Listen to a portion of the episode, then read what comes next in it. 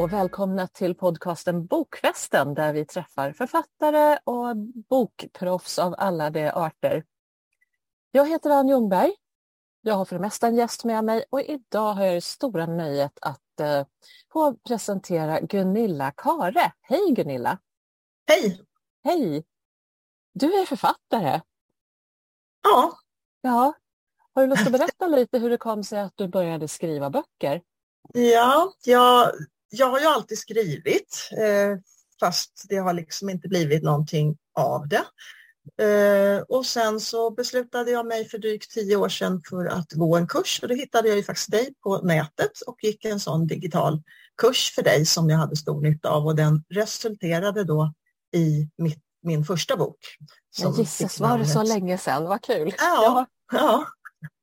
Som fick namnet Skenet bedrar och, eh, och sen har jag, man ju läst och hört att man ska gräva där man står. Och eftersom jag då har hållit på med hästar hela livet så fick det handla om hästar och eh, lite brott i hästmiljö. Ja, jag minns eh, att det var spännande det du skrev. Ja. ja den första boken handlade ju om eh, en, en person som skar hästar. Det är ju någonting som ett fenomen som finns eller inte finns. Det är aldrig någon som har blivit gripen så att det är lite osäkert. Men, ja, men i min bok så finns det en sån person i alla fall. Mm. Mm. Ja, det är ju verkligen ett otrevligt fenomen. Bra att du ja. lyfter fram det i böcker så att fler får reda på det också. Ja. Mm. Och sen kom det fler böcker. Ja, sen gick det nog tre år tror jag innan uppföljaren kom. Jag jobbade ju samtidigt så det var lite så eh, sparsmakat med skrivandet. När man hade tid fick man skriva. Och eh, nästa bok, eh, då ville jag kör, göra en, en pusseldeckare.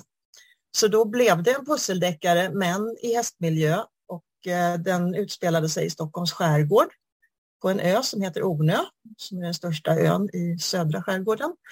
Och eh, där blev, bjöd man då in eh, till ett eh, ridläger för vuxna tjejer, i, eh, eller tjejer och killar i lyxmiljö med god mat och swimmingpool och, och ridning. Mm. Och sen är det någon där som har eh, fastnat lite i Agatha Christies gamla bok som eh, numera heter Den där were none, tror jag. Men det anspelar lite på den med tio små lägerflickor då. Ja. Så att någon eh, har liksom bestämt sig för att ta de här lägerflickorna av daga. Så det börjar med att det försvinner, en dör och sen, ja, sen utvecklas det hela. Ja, som det blir som en pusseldeckare, den här berättelsen. Ja. ja. Ja, och sen har du skrivit mer eh, faktamässigt också vad jag förstår.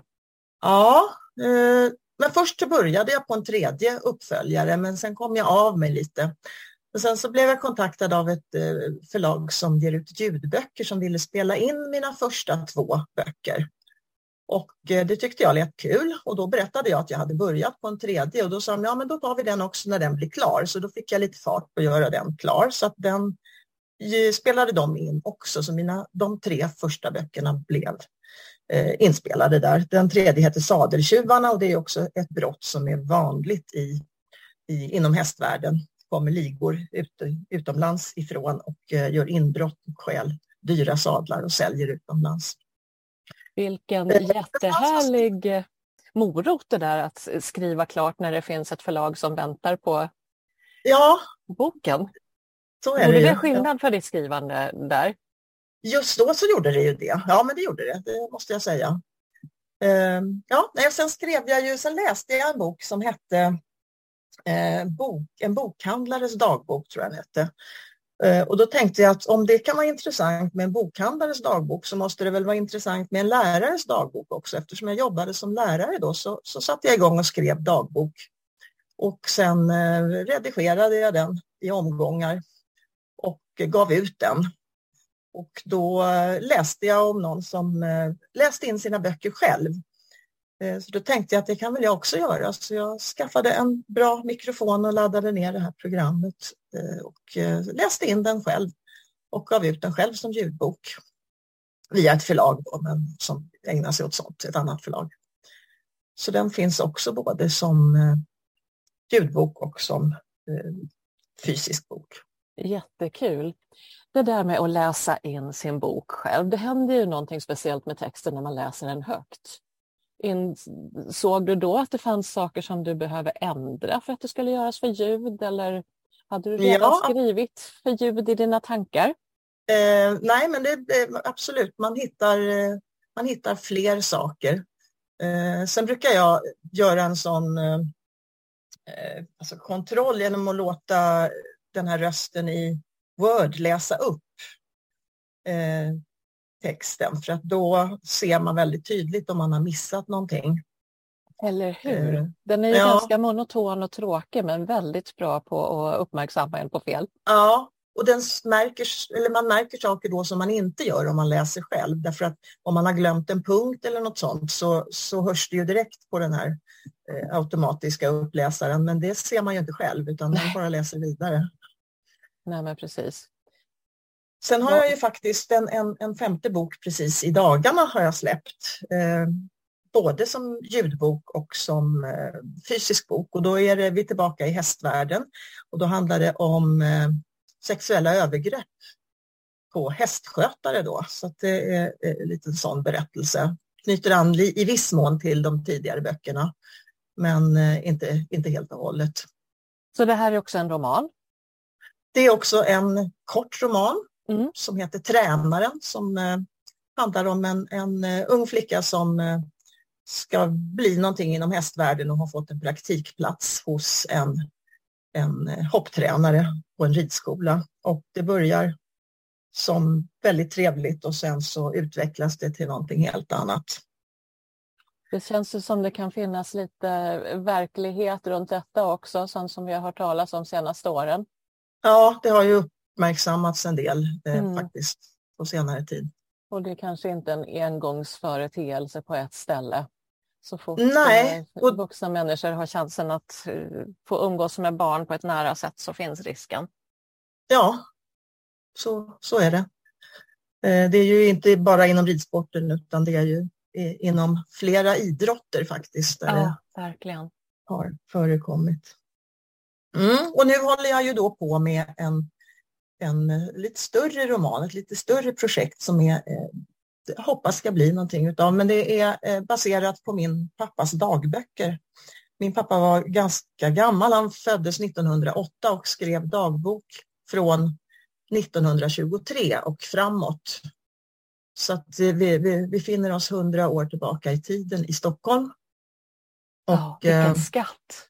Ja, det svåra är bara att liksom släppa så jag har ju skrivit ner det jag tycker är intressant och sen så ska, måste jag liksom släppa det här dagboksredogörelsen för att få det till en berättelse. Så det jobbar jag med nu. Mm. Mm. Men vad spännande. Så mycket ja. som har hänt under den här perioden naturligtvis. Men eh, jag förstår ditt dilemma där. Det är ju eh, ofta ganska strukturerat styltigt i dagböcker. Ja. Eh, väldigt konkret, sällan någon gestaltning. Nej. Nej. Och, och, och spridda händelser är det ju som inte riktigt hänger samman med varandra. Just det. Men, Har du eh, tillräckligt mycket material för att du ska kunna karva ut det som är eh, en händelsekedja? Jag hoppas det. det, mm. det han har ju skrivit väldigt, jag tänkte att den första delen här nu ska vara till och med slutet av andra världskriget.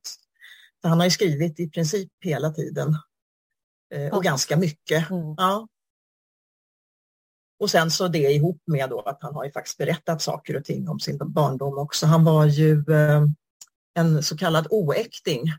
Hans eh, pappa var inte med i bilden utan han, så jag, man kan ju nu för tiden kan man ju på nätet gå in och hitta allt möjligt så man kan hitta eh, födsloattesten eller vad det heter eh, där man ser, alltså där man är kyrkbokskriven då och där står det ju, står det ju så här, eh, fader okänd och så inom mm. parentes oäkta.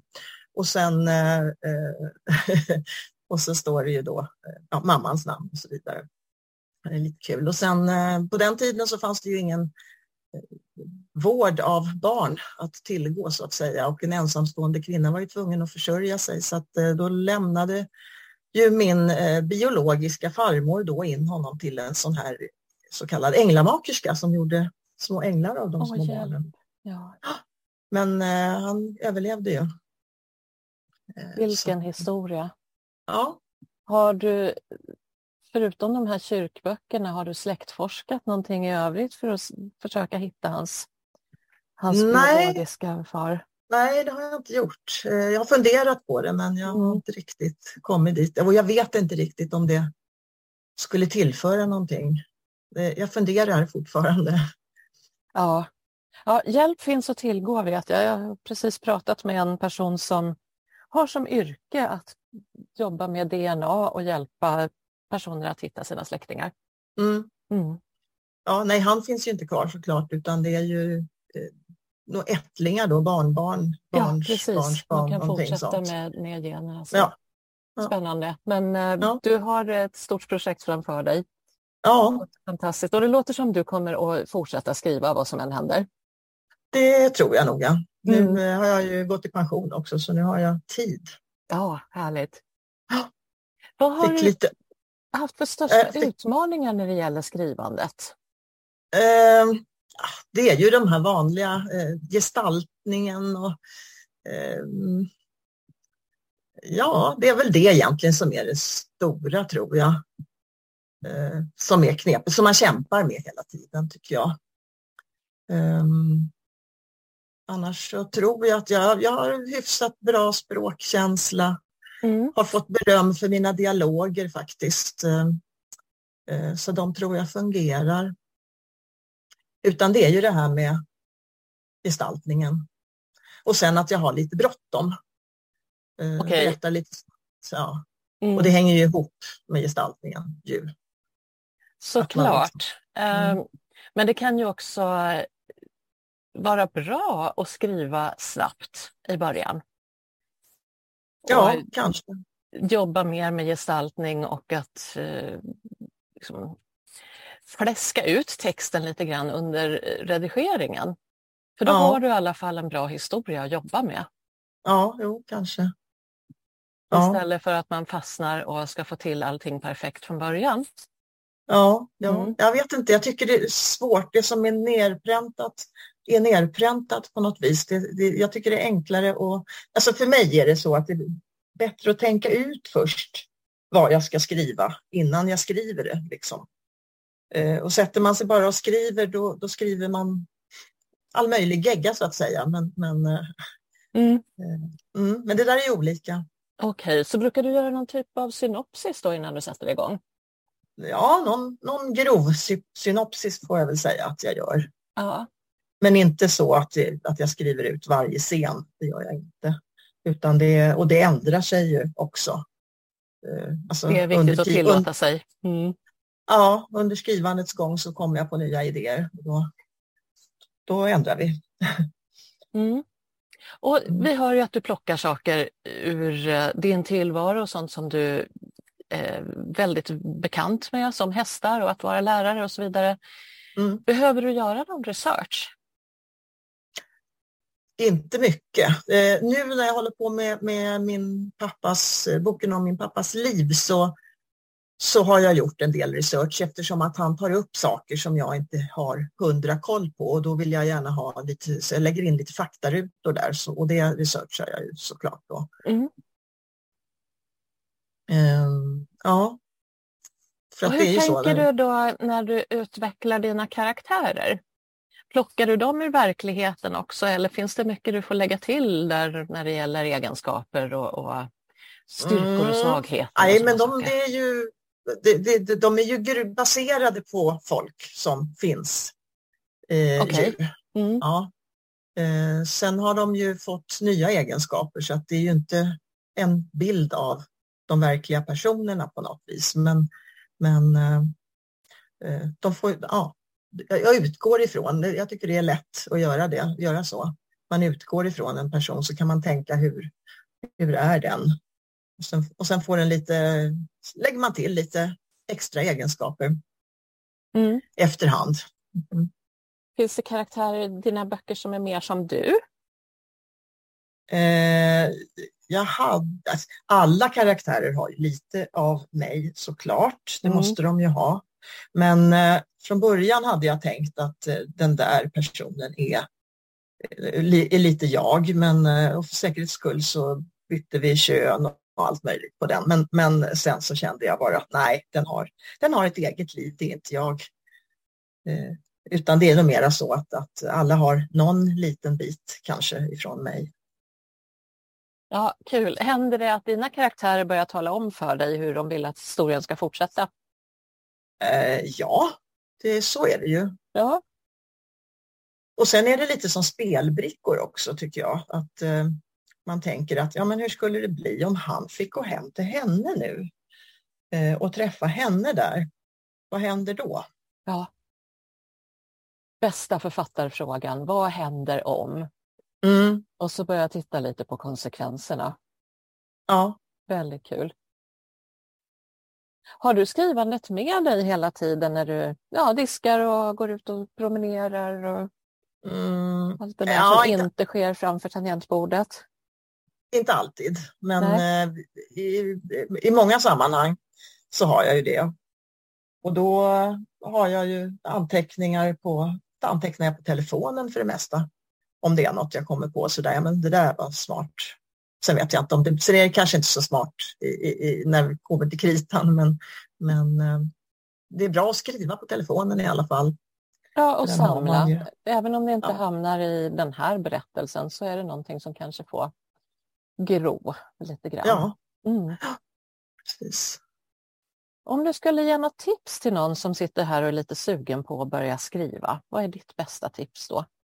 Eh, Jag har ju redan gett det tipset till några utav mina kollegor eh, i skolan för när de förstod att jag hade gett ut en bok då, den här lärarens dagbok. Åh, för då säger ju folk, när man berättar att man har skrivit en bok så är det ju väldigt många som reagerar så att ja, åh, jag skulle också vilja skriva en bok och, och så berättar de vad den ska handla om och men hur- jag vet inte riktigt hur jag ska göra och då säger jag gå en skrivarkurs.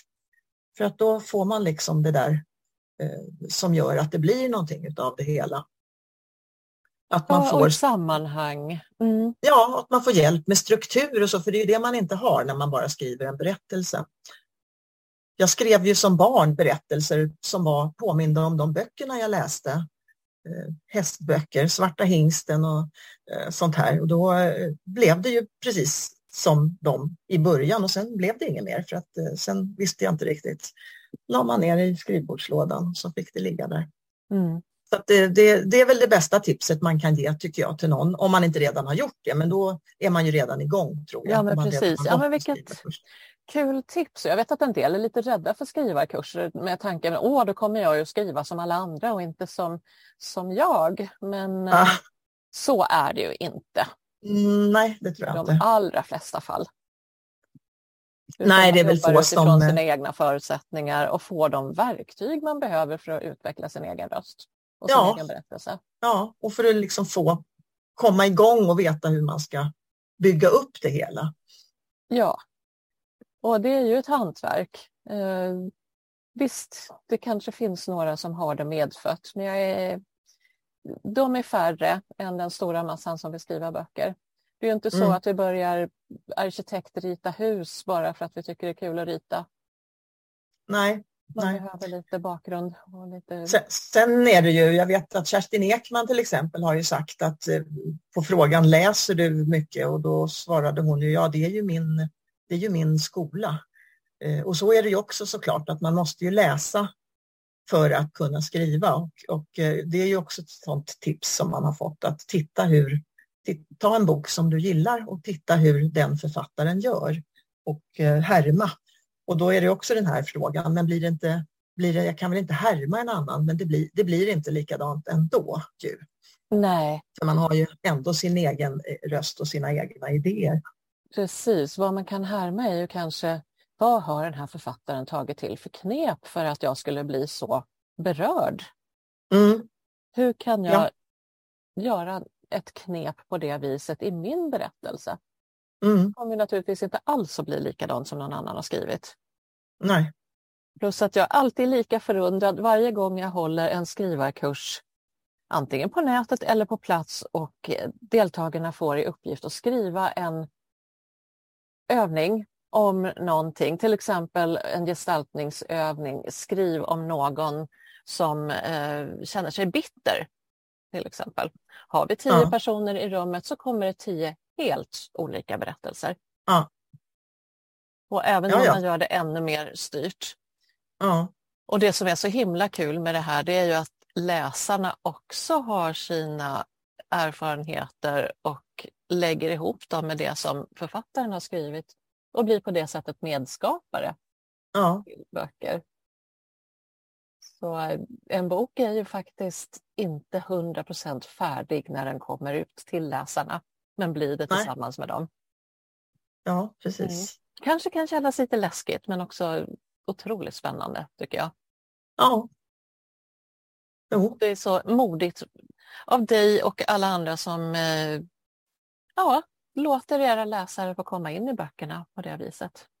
Ja. Det är en stor del av gestaltningen. Så där vet jag ja. att du gör det jättebra. Ja, det vet jag. mm. Okej, okay. jättekul att höra. Hur ser dina planer ut nu med boken om pappa? Kommer du vara ute och föreläsa någonting i samband med den kommer ut eller ser du ett, en färdig bok som att nu kör jag någonting annat sen? Jag vet faktiskt inte men jag har ju fler, fler projekt i bakfickan så att säga så att, eh, som jag har lite påbörjat också. Så att, eh, jag, har, jag har ju att göra ett tag men sen vet jag inte hur det blir med om den ska lanseras på något sätt. Jag, de sista böckerna har jag ju eh, gett ut själv. Mm. Eh, för att, eh, alltså på Books on Demand då. För att det blir, ja, nej, för jag vill ha, ha dem utgivna. Men den här kanske, om jag tycker att den blir lite speciell, att eh, prova att skicka in till något förlag och se om det är någon som nappar. Och då får man ju se vad som händer. Ja, då får man ha lite tålamod. Det tar ju lite längre tid också. Ja. Men det är ju ett bra tillfälle att börja skriva på någonting nytt å andra sidan. Ja. Mm. Så är det. Sen har jag ju berättat för folk att jag håller på med den här boken och då är det ju så. Nu har jag ju berättat det för länge sedan så att nu är det så här, nej, är den klar snart boken? Ja. Men det är den ju inte utan det, det, är ju det är mycket arbete kvar. Visst, men det, det, finns ju en anledning där också, precis som när du fick det här förlaget som ville ha den tredje boken och göra ljudbok av. Berätta ja. så blir det lite morot där, folk vill läsa och längtar ja. efter den. Ja, mm. jo. Ja, jag önskar dig varmt lycka till med det här projektet. Mm, tack det så mycket. Riktigt spännande och det var jättekul att få prata med dig här i Bokfestens podcast. Ja, tack, det var roligt tack att få vara med. Tack så mycket Gunilla Kare och vi sätter nu tack. in dina länkar i, i eh, våra show notes här så att folk kan hitta till dina böcker. Ja, tack så mycket. Tack.